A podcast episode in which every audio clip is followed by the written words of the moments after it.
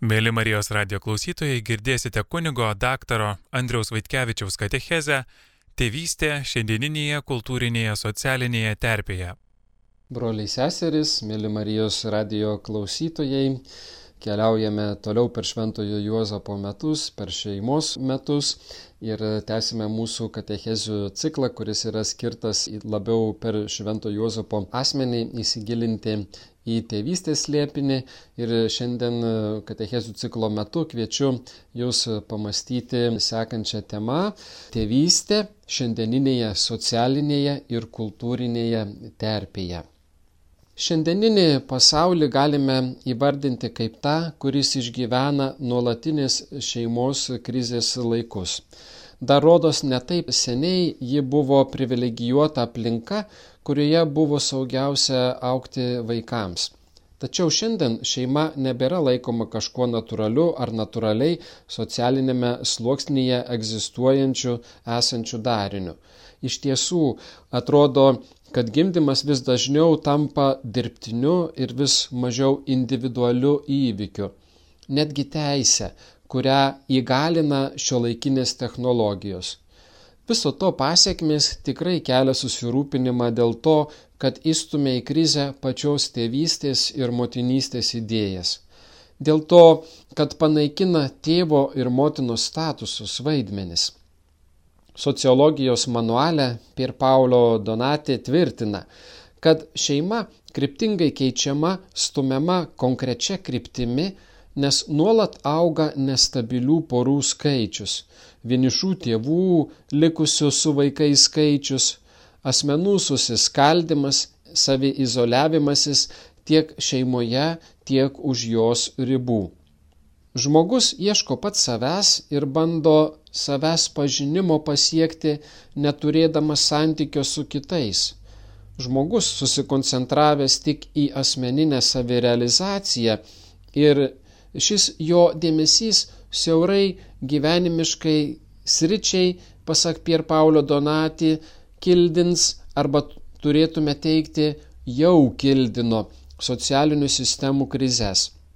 Tačiau rizikuojama prarasti kai ką daugiau nei vien tik socialinės sistemas. Rizikuojama prarasti savąjį aš. Jaučiamas begalinis ugdymo trūkumas, kuris pats savaime neišsispręs.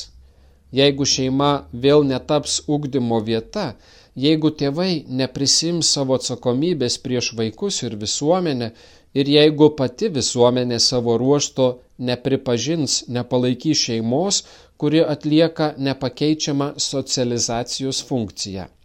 Kogi reikia, kad visa sustotų į savas vietas? Reikia permastyti santykio gerumą ir naudingumą tai, kas ir yra šeimos gyvenimo užduotis. Akivaizdžias šio santykio gėrio suvokimo išraiškas matėme ES remtose projektuose, kada buvo skatinamas atstumo tarp kartų mažinimas.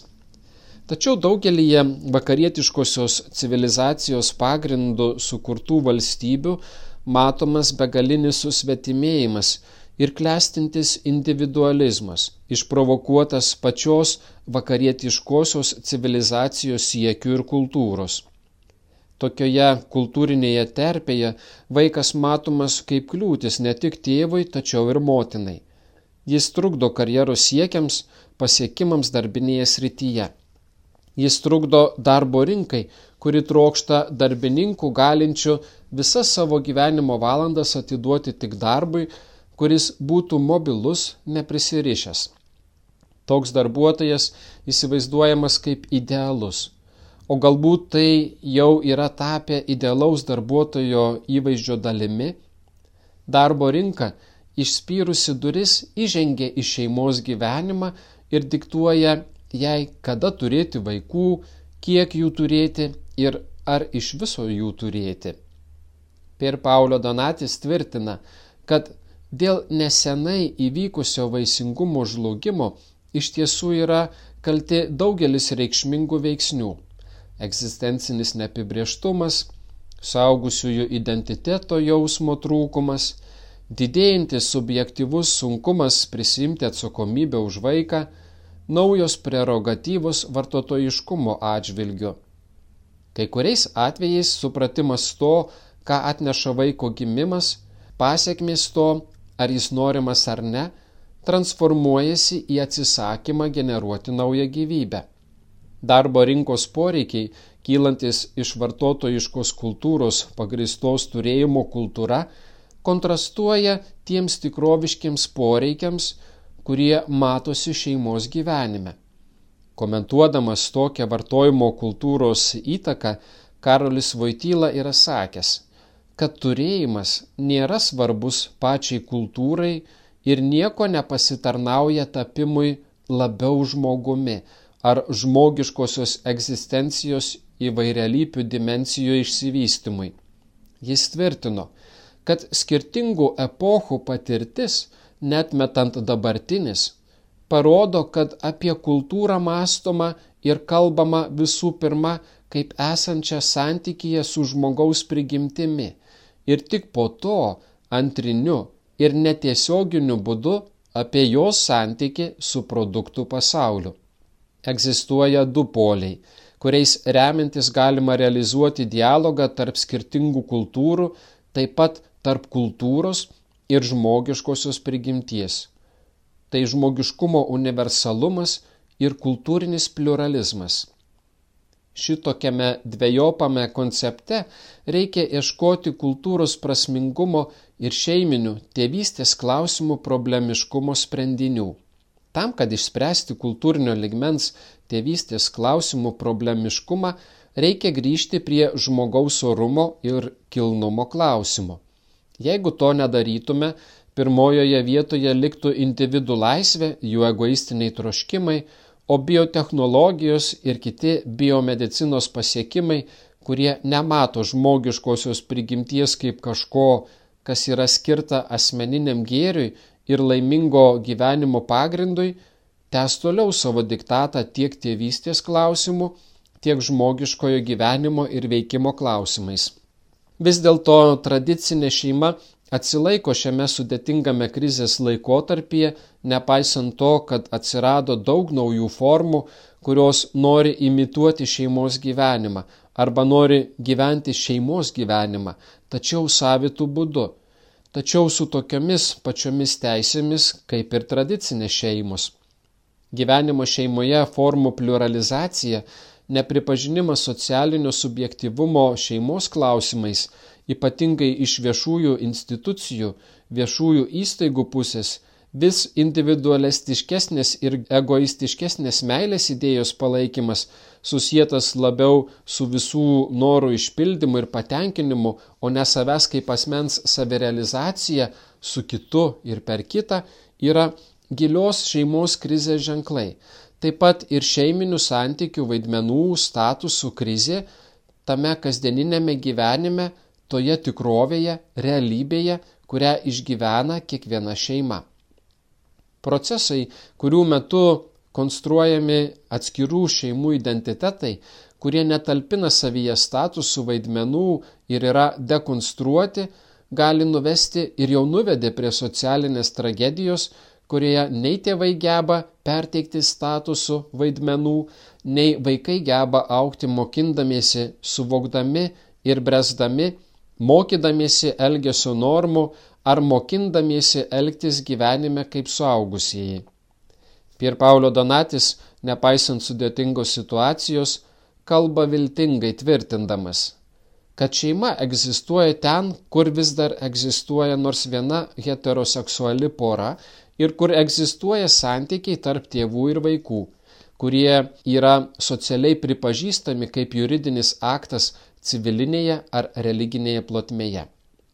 Jis rašė, nepaisant didelių šeimos formų pokyčių, šeimos apibrėžimo kriterijai išlieka būdingais lyginant juos su tais, kurie naudojami norint identifikuoti kitas pirminės socialinės formas – Jie yra susiję su tuo, kas tęsiasi iš praeities, tačiau kartu ir skirtingai nuo praeities. Šeima išlieka vieta, kurioje galioja draudimas sumaišyti lytinius vaidmenis, vyriškumą ir moteriškumą ir santyki tarp kartų, tarp kildinančio ir kildinamojo. įskaitant ir kraujomaišos draudimą, netgi jeigu lytis ir kartos nebėra atskiriamos, tačiau vis labiau sąveikauja tarpusavyje. Šeima yra ir tampa tuo specifiniu socialiniu santykiu, kuriam vis labiau patikima užduotis, kurios negalima pakeisti jokiais kitais socialiniais santykiais. Suosmeninti asmenį per specifinius socializacijos procesus, kurie yra esmiški vaiko brandimui, tačiau ir suaugusiajam tiek, kiek šeimos sukūrimas reiškia nukreipti bendravimą link asmens visumos pagal visiško nuoširdaus abipusio solidarumo normą. Faktinės sąjungos, homoseksualios poros neįsipareigoja nei politiniai, nei religiniai bendruomeniai, bet yra tik tai įsipareigojimo, kurį kaip partneriai prisima vienas prieš kitą atstovai. Na, turėčiau pasakyti komentarą, tarsi tai būtų įmanoma psichologinė ar socialinė prasme. Jei šiandien tikrai norima suprasti, kas yra ir kas nėra šeima, žvelgiant iš įstatyminės ar socialinės pusės, geriau pradėti aiškinimąsi nuo to, kas yra tradicinė šeima, o ne priešingai. Santokų skaičiaus mažėjimas, palydimas skirybų skaičiaus augimu, šie reikšmingi statistiniai duomenys, kuriuos galime traktuoti kaip tikrą prakeiksmą šeimoms ir dėl ko visame vakarietiškajame pasaulyje demografiniai duomenys yra artimi nuliui. Vaikai vis dažniau gimsta ne dėl to, kad yra savęs dovanojimo vaisius, tačiau dėl to, kad subrendo palanki terpė tokiam pasirinkimui, po to, kada išspręsti ekonominio pobūdžio klausimai. Moteris turi daugybę visokiausių pasiteisinimų, dėl ko jos nenori tapti motinomis. Galbūt tai kyla iš jau įgytų lygių galimybių ir teisų su vyrais. O demografinis klausimas tapo tokiu, kurį bus galima vėliau spręsti biotehnologinių pagalba ir kuriam reikia sukurti atitinkamą įstatyminę bazę, kad procesą galėtų kontroliuoti atsakingos institucijos, padedant biotehnologijoms. Tuo būdu gaunasi šitaip, kad kažkas iš išorės, ne pati šeima, nutarė arba įtakoja sprendimus liečiančius vaikų turėjimą, kiek turėti ir kada turėti. Taip pat išoriniais veiksniais institucijos sprendžia jų ugdymo klausimus, tuo pačiu metu visiškai nekreipiant dėmesio į vyro, tėvo ir moters, motinos prigimtinės teisės egzistuojančias pačias savaime žmogiškoje prigimtyje. Gaunasi taip, kad vietoj to, kad ugdytume brandžias šeimas, tėvo ir motinos statusus vaidmenis, pakeičiame surogatiniais veikėjais, kurių vaidmenis ir statusus simbolinėme ligmenyje prisijima valstybė ar jos įgaliotos institucijos. Mūsų laikų pasaulyje vyras mato savo kaip teisėto tėvo teisų apginimą tik gyvenant santokoje, pakeičiant situaciją, kurios dėka pereinama nuo tėvo valdžios ir nuo tėvo teisų suvokimo romėniškos teisės būdu, kada tėvas turėjo visas teisės į vaiko gyvenimą ir mirtį prie tėvų autoriteto, kurį taip dažnai galėjo turėti tik motina. Labai daug vaikų gimsta nesantokoje, jų skaičius vis daugėja, taip kaip daugėja skaičius ir tų vaikų, kurie įstatymiškai yra pripažįstami tik vieno iš tėvų. Paprastai vaikai gimę nesantokoje pripažįstami tik motinos. Dar kita situacija dažnai pasitaikanti šiandieninėme mūsų pasaulyje yra ta, kad vaikas turi ne po vieną tėvą ir motiną, tačiau po kelis. Kodėl? Dėl to, kad be savo biologinių tėvų, be prigimtinės šeimos, jie dar turi socialinio ligmens tėvus arba įstatymo būdu įgytus šeiminius santykius. Tokioje tikrovėje vaikai negauna ir neturi tikrų, saugių ir stabilių atsvaros taškų, neįsivaizduojamai būtinų teisingame gyvenimo kelyje. Netenka orientyrų tėvo ir motinos. Šiandieninėje kultūroje, kuri mieliau renkasi ir privilegijuoja išimčių kelią, nuolat kyla rizika pradėti nuo tų išimčių, kalbant apie šeiminių klausimų sprendimus, apie įvairiausių bendro gyvenimo tarsi šeimoje formų gausybę, startuojant vis iš naujo nuo naujų sąjungų tipų bei siekiant paaiškinti gyvenimo šeimoje prigimti ir misiją. Sergejus Belardinelis teigia, kad tam, jog nebūtų prarastas tikrasis autentiškasis tėvystės ir motinystės reikšmingumas ir šeimos suvokimas, tam kaip gera pradžia galėtų būti mums tai, kad mes skirtume daugiau dėmesio šeimos svarbai, kuri yra toji vieta, kurioje kultivuojamas pirmasis ir pagrindinis kiekvienos tapatybės daigas ir kiekvienas autentiškas santykis - suvokimas, kad esame kilę, kad nesame vieni, kad priklausome tam tikrai istorijai. Todėl visa vakarietiškoji civilizacija šiandien yra kviečiama, yra raginama iš naujo atrasti ir išlaikyti, reabilituoti savąjį identitetą, tuo pačiu neprarandant ir savanoriškai nepašalinant savųjų šaknų, tiesos apie save pačius. Didžiulis iššūkis šiandieninėms visuomenėms neužmiršti to, kas tu buvai. Popiežius Pranciškus, kada lankėsi Lietuvoje, vienoje iš savo kalbų būtent tokį priminimą mums ir padarė, kviesdamas neužmiršti savo šaknų, neužmiršti savo praeities, tam, kad nekartoti praeities klaidų. Kad turėti aišku suvokimą, aišku identitetą apie tai, kas tu esi. Žinoma, šis popiežiaus pranciškaus kvietimas visų pirma reiškia mąstyti apie savo valstybės praeitį, bet neužmirškime ir kiekvienas savo asmeninės šeimos istorijos, kuri tiesiogiai įtakoja ir kuria mūsų ateitį.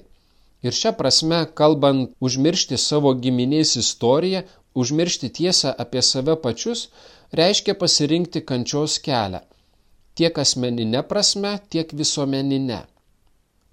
Tačiau šiandienis gyvenimas, matome, tęsia tą buvimą nuolatinėje krizėje, kuri ypač skaudžiai paliečia mus šeiminio gyvenimo klausimais, tėvystės klausimais.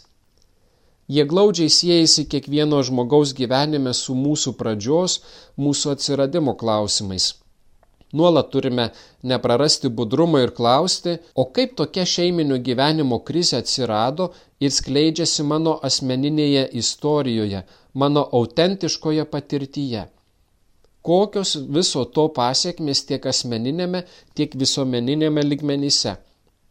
Žinoma, šiandien būti tėvu ar būti motina vis rečiau reiškia priimti tai kaip duotybę, kylančią iš mūsų žmogiškosios prigimties – Vis dažniau tai tampa aktyviais, norėtais, valingais veiksmais ir apsisprendimais.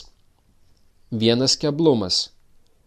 Analizuodami vakarietiškąją civilizaciją matome, kad tėvai ar busimieji tėvai turi per mažai kriterijų ar per mažai stimulų rinktis tėvystę. Per mažai kelrodžių, kurie parodytų jiems tėvystės dovanos kilnumą ir grožį. Socialinės sistemos sprendžia, arba tai daro automatiškai dėl savo funkcionalistiško veiksmingumo.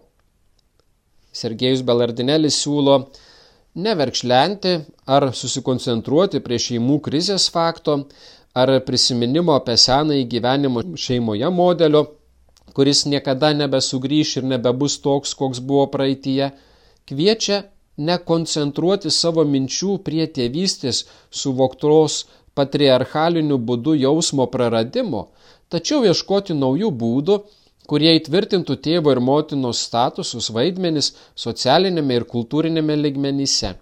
Šiandiengi, kada kultūrinės šeimos modelio suvokimo formos įsibrauna arba įbrukamos į šeimos gyvenimą, dažnai atrodo, kad pati visuomenė yra nusistačiusi prieš save ir daro viską taip, lyg trokštų susinaikinti.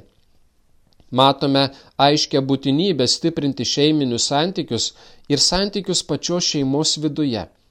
Draugės su Pier Paulio Donati galime tvirtinti, kad faktas, jog egzistuoja vaikas, šiandien daugiau negu vakar nuveda prie pripažinimo, kad ten yra šeima. Ir tada, kada į šeimą pradedama žiūrėti vaiko akimis, iš vaiko poreikių pusės, atsižvelgiant į jo teisės, visų pirma į jo teisę į biologinį identitetą ir į sociokultūrinę tapatybę. Kultūriniai pokyčiai pakeitė ir vis dar tebe keičia mąstymą ir nusistatymus, apsisprendimus šeiminio gyvenimo klausimais. Keičia patį mąstymo ir suvokimo turinį ultramoderniosios visuomenės žmogaus gyvenime. To pačio proceso metu ir pats kultūrinis suvokimas ir pati kultūra paverčiama nuolat kintančia ir nestabilia socialinio audinio konstrukcija, simboliniu galios šaltiniu, kuris ne tik veikia kiekvieną iš mūsų, tačiau ir įrankiu, kuriuo kiekvienas iš mūsų galime laisvai disponuoti. Laisvai ir nekreipdami jokio dėmesio į kitus individus, į kitus žmonės. Vertinimo ir naudingumo bei gėrio masteliu tampa tik mano asmeniniai siekiai. Kitas žmogus, šeimos gyvenimas, savo statusų vaidmenų atlikimas tampa vertybėmis arba naudingais tik tiek, kiek išpildo mūsų asmeninį laimės suvokimą, mūsų siekius. Teologinė kalba konstatuojame susvetimėjimo tikrovę ir visos realybės išnaudojama savųjų tikslų siekiams. Tame tarpe ir pačio žmogaus. Savęs dovanojimo dimencija nebetenka prasmės, jeigu jį kliudo momentiškam gėrio savo kūrimui gėrio suvokto žvelgiant per siaurą meilės savo prizmę, nebejaučiant būtinybės atsižvelgti į prigimtinius ryšius, santykius ir jų natūralią prigimtinę sąveiką. Žmogus su savo individualistiniais poreikiais pastatomas visatos centre. Šia prasme sandora tarp feminizmo, postmoderniosios kultūros ir klinikinės psichoanalizės paskatino kritišką litiškumo dekonstrukciją, dėl kurios šiandieną subjektas nebegali ar jam nebeleidžiama arba jam sudaromos kultūrinės ir įstatyminės kliūtis mąstyti į pasaulį žvelgiant jau nebevadovaujantis dvigubą logiką - vyriškumu ir moteriškumu. Kiekvieno atskiro individo logika parodo, kad visi egzistavimą struktūruojantis elementai - anatomija, kultūrinės prasme, šeima, politinės ir ekonominės sąlygos, priklausimas ekonominiai klasiai, rasė, socializacijos patirtis ir susitikimas su tėvų asmenybių poveikiu atsispindi ir formuojasi per projekcijas, introjekcijas ir susiformavimus žmogaus vaizduotėje, kurie suteikia jiems tam tikrą psichologinę reikšmę. Tam, kad suvokti esmiškai problemas iškylančias sociologinėme ir socialinėme ligmenyse, kad suvokti visuomenės išgyvenančios tėvystės ir motinystės šeimos krizę, tam, kad suvokti eliminuoto tėvo arba tėvo, kurį yra lengva galimybė eliminuoti iš šeimos gyvenimo problematiką, neužtenka kalbėti vien apie socialinius pokyčius ir iššūkius reikia platesnio požiūrio, psichologijos mokslų gilesnės analizės, tikintiems žmonėms susipažinimo su teologinė dimensija. Būtent dėl to šiame susitikimų cikle analizuojame tėvystės klausimus, apgleibdami visas tris šias dimensijas - psichologinę, sociologinę ir teologinę. Psichologinė mums padeda geriau suvokti vidinius žmogiškosios brandos mechanizmus ir jų deficito poveikį asmenybiniai brandai. Sociologinis padeda mums pažvelgti į visuomenėse iškilusią šeiminio klausimo, statusų, vaidmenų generuotas problemas, įvedusias į nuolatinę šeimos krizės būseną. O teologinis aspektas mums padeda pažinti prigimtinės tiesas apie žmogų, apie šeimą ir kartu duoda aišku orientyrą, kur link eiti, norint spręsti iškilusius iššūkius. Link autentiškos tiesos apie žmogų pažinimo. Santykis tarp šių trijų disciplinų mums dovanoja galimybę suprasti, kad visi mokslai, jeigu jais nemanipuliuojama ideologiniais tikslais, suskamba vienoje dermėje ir padeda nepasiklysti tokiame multikultūrinėme pasaulyje, kuriame gyvename mes, ultramoderniosios epochos žmonės. Tuo pačiu metu tikiuosi, kad šis katechezių ciklas pasitarnaus suvokimo įgyjimui, to mechanizmo supratimui apie tai, kaip kultūriniai dalykai užima prigimtinių tiesų vietą, kaip naudojant mokslo pasiekimus perkonstruojamas suvokimas apie šeimą, apie tėvo ir motinos statusus ir vaidmenis, apie patį žmogų. O kartu viliuosi, kad pagilinsime suvokimą, jog neverta prarasti vilties, nes kad ir kiek bebūtų stengiamasi dekonstruoti šiuos be galo svarbius žmogiškojo gyvenimo ir brandos elementus, tiesa apie juos prigimtinėme ligmenyje tiesa išliks nepakitusi. Dėl to, kad už kiekvieno šeimos tėvo ir motinos, už kiekvienos šeimos yra kažkas bendro, apjungiančio juos visus. Tiesoje apie tėvo statusą vaidmenį, tiesoje apie motinos statusą ir vaidmenį. Ir kad tėvystė bei motinystė nekyla vien tik iš kultūrinių formacijų, genderistinio mąstymo ar įstatymų leidimo teisės. Ne valstybė suteikia šeimai statusą.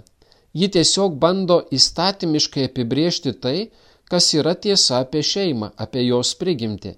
Na ir žinoma, pagrindinis iššūkis ir klausimas, į kurį mūsų karta turės atsakyti, kiek ultramoderniųjų laikų ideologijoms, socialiniams konstruktams, socialinės inžinerijos eksperimentams mes leisime iškraipyti tą prigimtinę tiesą kultūrinėme ir įstatyminėme lygmenyje apie save pačius.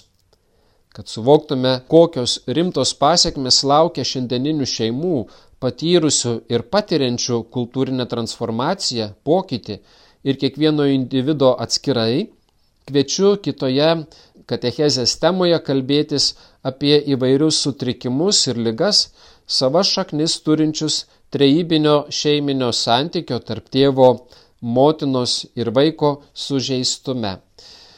Mėly Marijos radio klausytojai, šiandien baigiame katechezę ir kviečiu klausytis jos pakartojimo įrašo Marijos radio mediatekoje. Taip pat video formatu galima katechezę žiūrėti Telšių viskupijos YouTube kanale. Taip pat kviečiu katalikai.lt susirasti skilti skirtą Šventojo Juozapo metams, kur rasite tekstinį katechezių variantą ir taip pat klausimus savirefleksijai. Garbė Jėzui Kristui. Mėly Marijos radio klausytojai, girdėjote kunigo daktaro Andriaus Vaitkevičiaus katechezę Tėvystė šiandieninėje kultūrinėje socialinėje terpėje.